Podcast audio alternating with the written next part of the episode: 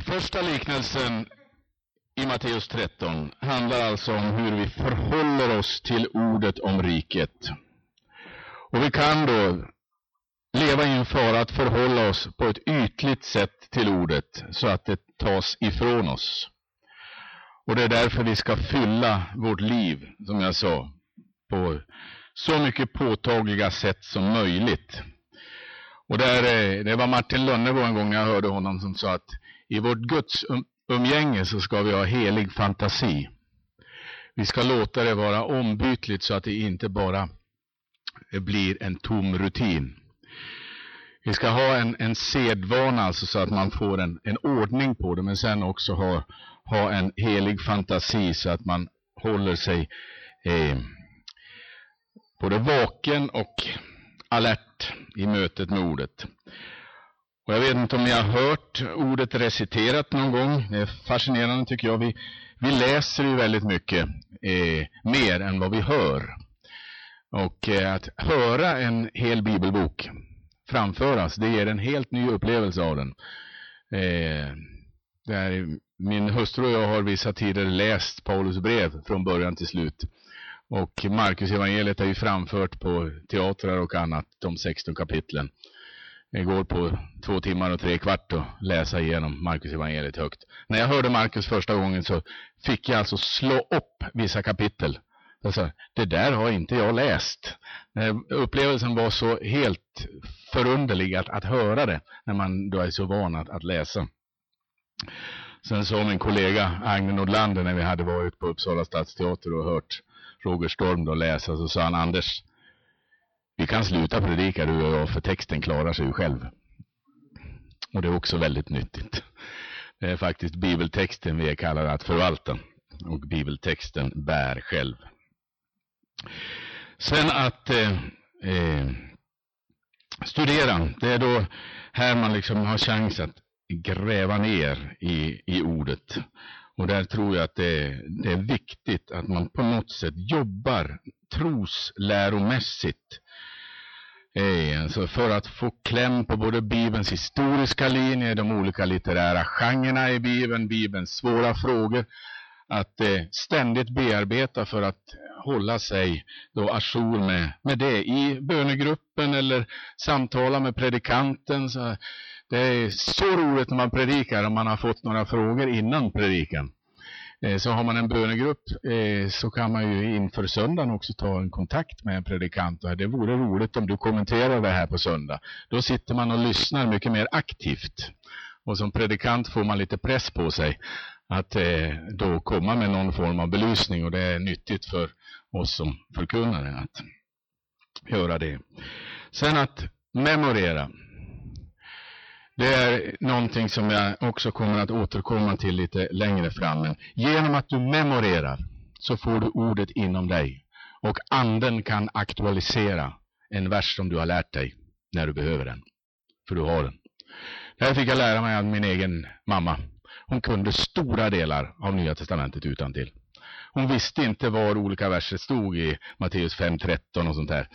Eh, men hon visste, hon kunde säga, ja men det står på en höger sida vänster spalt. Hon hade alltså bildminne, mamma. Och i, i brev, i, i kontakt med människor så kom bibelställen till henne. Och det kommer en sån historia längre fram.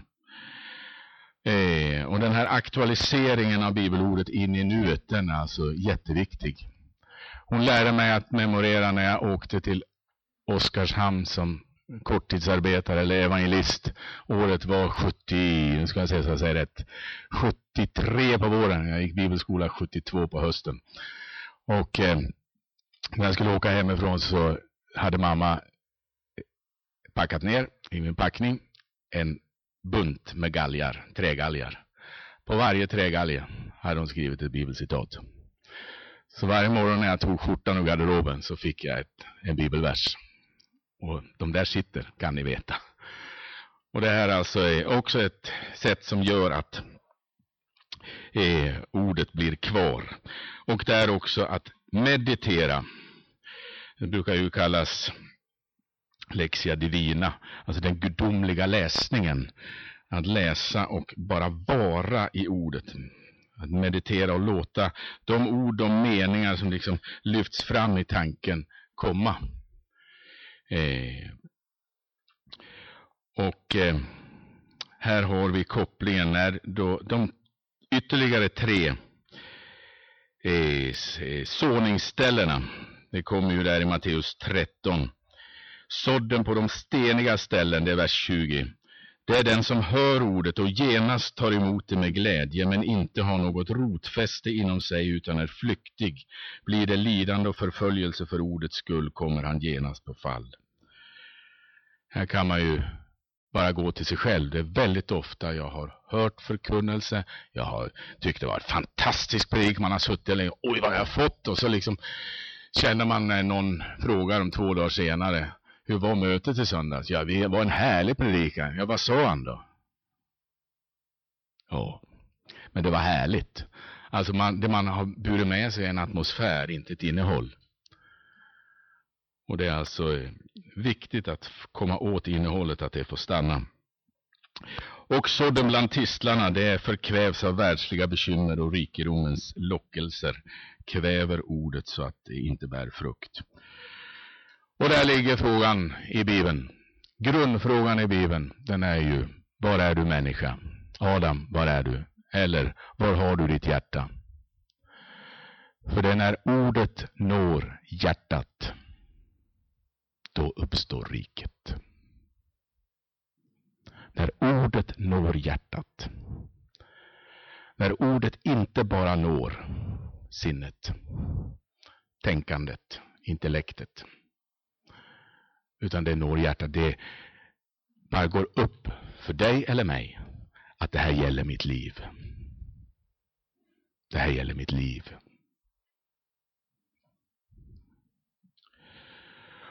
Och ordet hör, vi pratade om det i pausen. Ordet hör på hebreiska betyder också lyda. Det är ett ord på hebreiska. Alltså, det är först när du lyder, det är först när det blir effekt som du verkligen har hört. Vi har det svenska ordet hörsamma, uttrycker den betydelsen. Att när jag hörsammar en kallelse exempelvis, då kommer jag.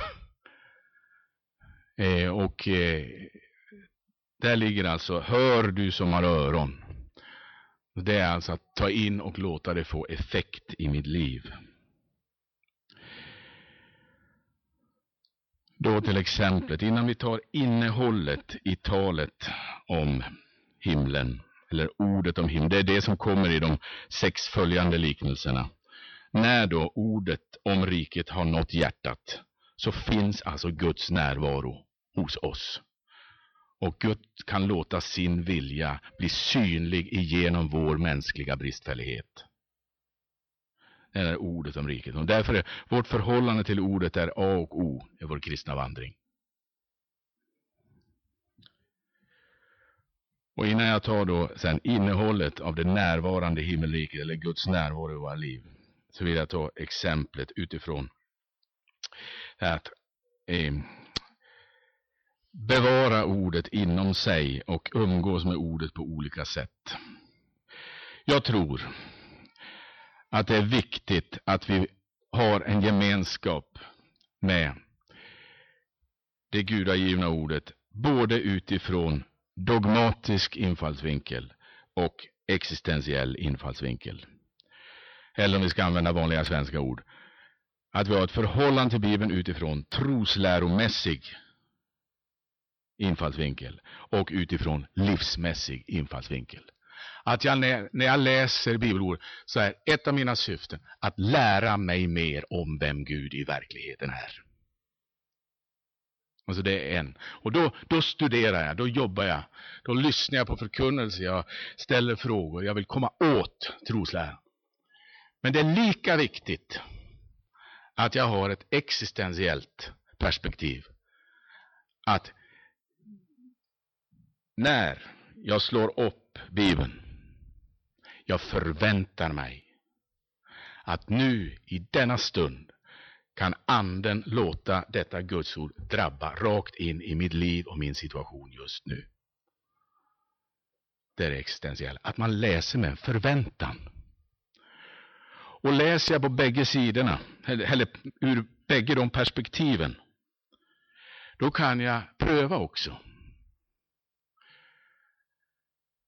Det där direkta tilltalet som kan komma i en bönegrupp när någon citerar en bibelvers. Man kan höra, eh, ja, jag har fått uppleva det när man sitter i en bönegrupp och sen någon annan säger, du Anders, jag fick det här ordet från Jesaja bok. Frukta inte, jag har kallat dig vid ditt namn, du är min. Jag tror att du behöver det rakt in i din situation nu. Och jag säga, några gånger har jag fått sådana här direkta tilltal i stunden. Men när man har studerat så kan man först veta om, jaha, frukta inte, jag kallat dig vid ditt namn. Den handlar faktiskt inte om en svensk grabb eller man som heter Anders. Det handlar faktiskt om Israel som folk, när Jesaja skriver det. Men bibelordets dogmatik eller troslära säger faktiskt att Gud frågar efter varje människa och kallar varje människa på ett individuellt och personligt sätt. Alltså kan den där versen lösryckt ur sitt sammanhang ändå säga att ja, men den är bibliskt förankrad. Alltså jag vet vad jag gör med en lösryckt bibelvers. För vet jag inte vad jag gör med en lösryckt bibelvers, då kan det bli vad som helst. Men om jag både lever med perspektivet troslära och med perspektivet livsnära. Då kan man, de livsnära tilltalen kan jag alltså pröva mot det trosläromässiga innehållet i skriften. Ett exempel från mitt eget liv och också relaterat till min mamma. Och nu kommer kallelseupplevelsen ifrån mitt eget liv. Det som gör att jag vet att jag är kallad att predika ordet. Jag var ungdomspastor i Östersund. Jag hade ett knä som inte fungerade. När jag gick i fjällen så rätt vad det var bara så högg det till som en kniv som satt i det och så förlorade jag stadgan. Och sen knäckte det varje gång jag reste och satte mig. Eh, det var inte skönt, för att säga så. Jag eh, fick tid på lasarettet i Östersund. De skulle gå in med en liten lins, alltså söva mig och så gå ner med en liten lins in i knäskålen för att se vad det var. Och jag lades in klockan tio en förmiddag och de sa att vi söver ner dig och sen går vi in och tittar på det där och sen får du ligga någon timme på uppvaket. Och vid två, tre i eftermiddag så är du tillbaka på jobbet. Jag vaknar upp klockan åtta på kvällen och spyr som en kvast och mår fruktansvärt dåligt. Och funderar vad har hänt. Jag får reda på att eh, eh, när de la bedövningen Innan de hade hunnit lagt slang här så krampade jag. Jag hade legat som en sprättbåge. Det hade blivit tätt överallt. Alltså. Och då har man ju inte så lång tid på sig. Och då sprutade de en mängd saker för att häva den där krampen. Eh, och det var det som gjorde att jag mådde så dåligt. Eh, då. Men jag fick ligga kvar då ett dygn på observation. Och så efter ett dygn så kom jag hem. Och när jag går på toaletten då så är urinen alldeles knallröd och jag får min klättra på väggen. Det var bara in på akuten igen och så får jag reda på att där när jag hade legat som en sprättbåge på operationsbordet så hade de glömt att tappa mig. De höll på att spränga urinblåsan på mig samtidigt. Så den var alltså blodfylld. Två gånger alltså under den där operationen som bara skulle ta en timme. Så höll jag på att förlora livet. Mycket, mycket nära. Eh, jag får då ligga kvar på lasarettet. Eh, jag kommer in där och har ingenting med mig. Jag har aldrig varit så tacksam för en gideonitbibel. Men jag hade ju inte min egen med mig då, jag bara dras upp på en sal. Så jag suger gideonitbibeln som ligger på eh, bordet och så säger jag, jag brukar inte rekommendera folk att ta tumgrepp. Men det var alltså ett totalt krisläge för mig så jag sa, gode Gud ge mig ett ord. Så slå jag upp psalm 118. Väl tuktade med Herren, men han gav mig inte åt döden. Jag skall inte dö utan leva och förtälja Herrens gärningar. Och jag bara kände, tack gode Gud. Så la jag Bibeln där. Inte slut med det här förstår ni. För att när jag kommer hem en vecka senare så ringer mamma mig. Och så säger hon, Anders den dagen du åkte in igen så var det en strof som ringde i mitt huvud. Jag vet inte om den står i Bibeln eller om det är en sång. Men det är i alla fall den här strofen. Han ska inte dö utan leva och förtälja Herrens gärningar. Och jag log i telefon och sa mamma, den står i psalm 118. Du fick den förmodligen i en tanke samtidigt som jag slog upp den i Bibeln. Mm. De här två händelserna gör att jag vet att jag fått behålla livet för att förkunna. Och jag vilade det.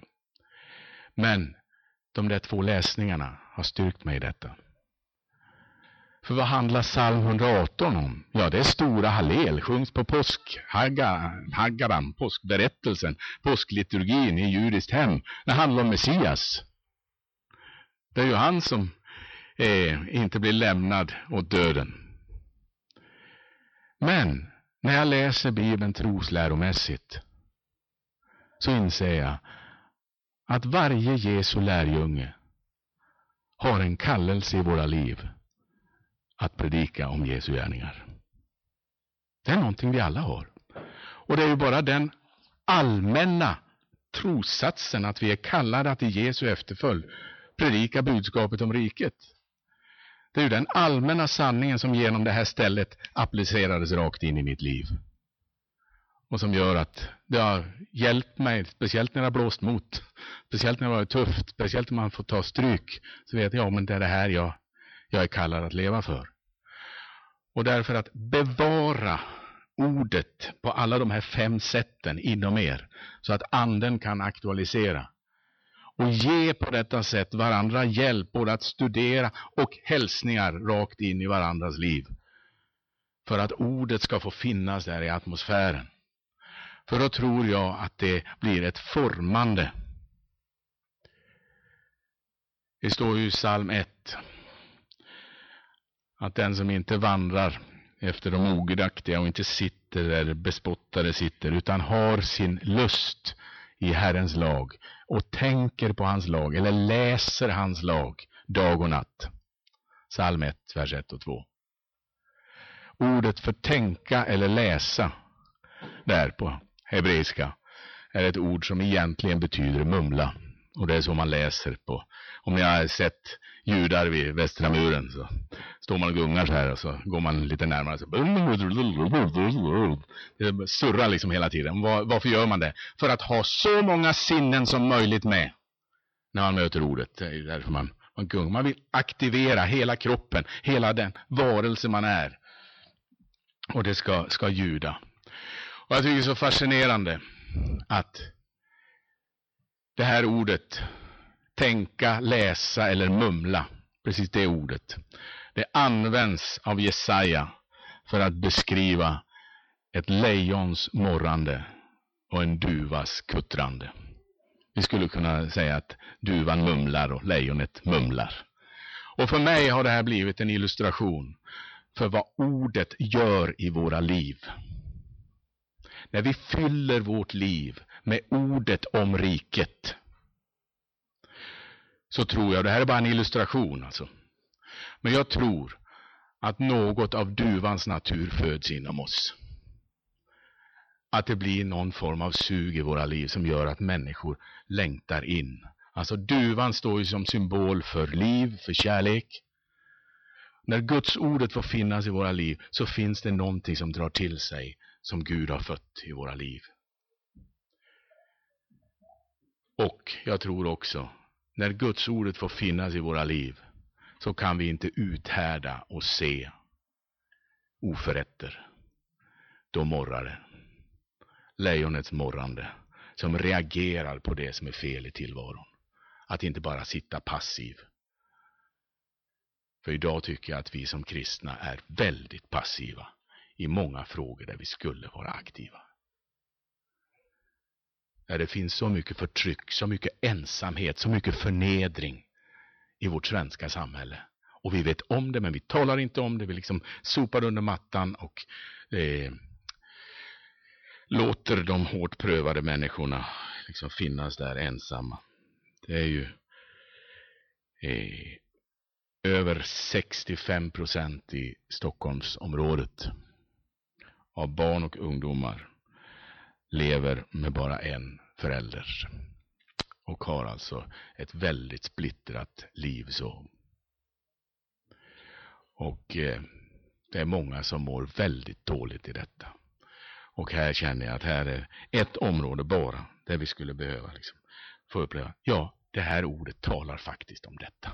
Talar om att Gud finns närvarande hos dessa människor i deras längtan och vilka är kallade att gå med den budskapet. Ja, det är vi.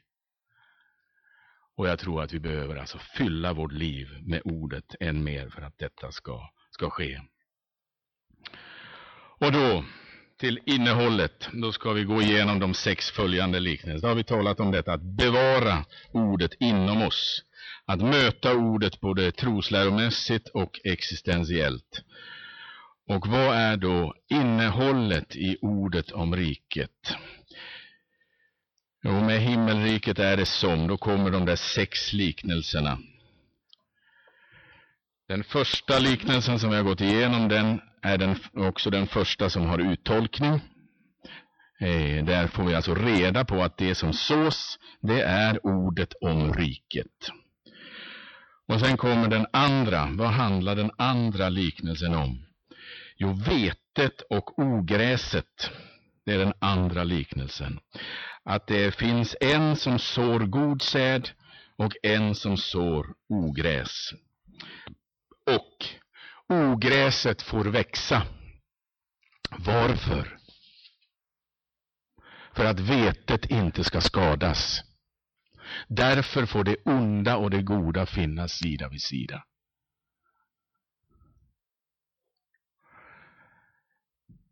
Himmelriket finns närvarande mitt i vår paradoxala värld. Det är innebörden i liknelsen. Gud finns närvarande där gott och ont finns sida vid sida. Och varför får det finnas? Därför att Gud värnar om det goda. Det goda som kanske är dolt under ogräset. Och här känner jag att det är viktigt vi också öppnar blicken. Ibland känner jag att vi som kristna, vi är mer eh, centrerade på att ha en övertygelse än att förmedla en övertygelse. Vi är mer intresserade på att stärka varandra i den övertygelse vi har, att dra gränslinjer till dem utanför, än att jobba med språkbild och kommunikation för att få förmedla det vi kallar att förmedla. Jag har förmånen varje sommar numera att ha ett sommarmöte i byn där vi bor. Det är inte jag som föreslår det utan det är folket i byn som föreslår det. Jag har på något sätt blivit av något av bypräst där i, i byn. Och så en sommar så tog en av bönderna undan Margareta, min hustru. Och så sa han så här. Se nu till att Anders inte gör det här mötet med vänsterhanden. Och så kom det. För även om vi svär som borstbindare och vi tar en rejäl whisky på lördagskvällarna och så kom det. Så behöver vi ett rejält Guds ord åtminstone en gång om året. Och Maggan när hon kom hem och sa, hon tittade på mig och sa, Anders han menar det. Han menar det. Och jag kände, det är livsfarligt om vi börjar slutgiltigt bedöma var finns det goda och var finns det onda. Det goda, det som är sått av Gud kan finnas där vi minst anar det. Och att ha den förväntan när man möter människor. Att här kan det finnas någonting som Gud har lagt ner. Fast det är så dolt och gömt under en massa. Så det behöver, men det ska inte ryckas bort allt det där ogräset då, för då kanske det där far med. Att be Gud att få den synen. För här har vi då spänningen som kommer. Och den paradox som vi lever i. Jag var, jag var på Dyrön och förkunnade här förra veckan när det smäller till i Norge. Och det är helt klart att idag så är det många människor i Norge som frågar var är Gud? Var fanns Gud på denna ö någonstans? Eller inne i Oslo när det small? Men samtidigt hade vi rapporter från Stockholm när det var en vansinnesfärd på motorcykel. En kille som körde ihjäl sig. Han körde 250 knyck. Och det är ju samma misär, bara att det är individuellt. Samma sorg. När det här paradoxala sker som man liksom inte har förväntat sig, men det sker. Och då säger denna liknelse att mitt i den paradoxala värld där det goda och det onda finns, så finns Gud närvarande och att våga vara där också i brottningen.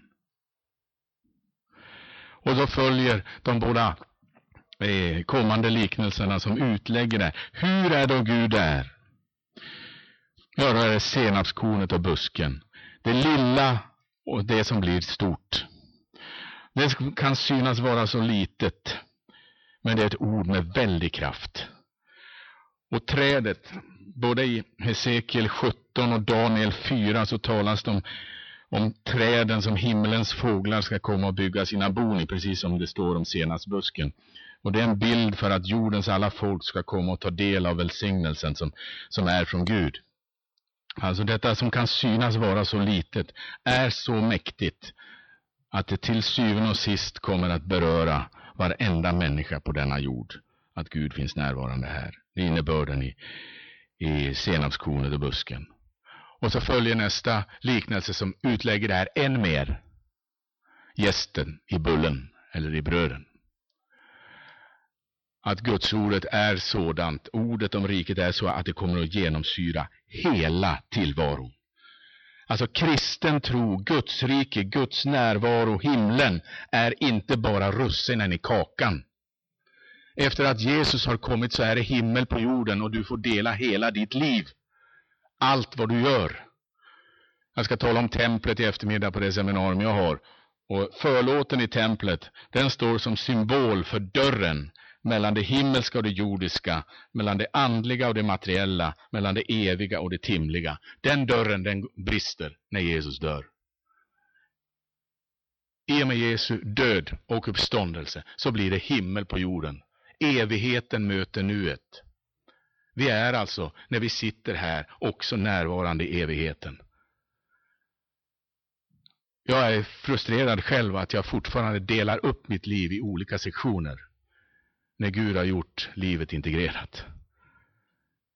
Jag är kallad att vara lika mycket närvarande, möta människor lika påtagligt när jag står på Globen och tittar på hockey, eller när jag går på bio och ser en film, eller när jag sitter i gudstjänsten. Jag tycker i ortodox kyrkotradition så talar man den första och den andra liturgin.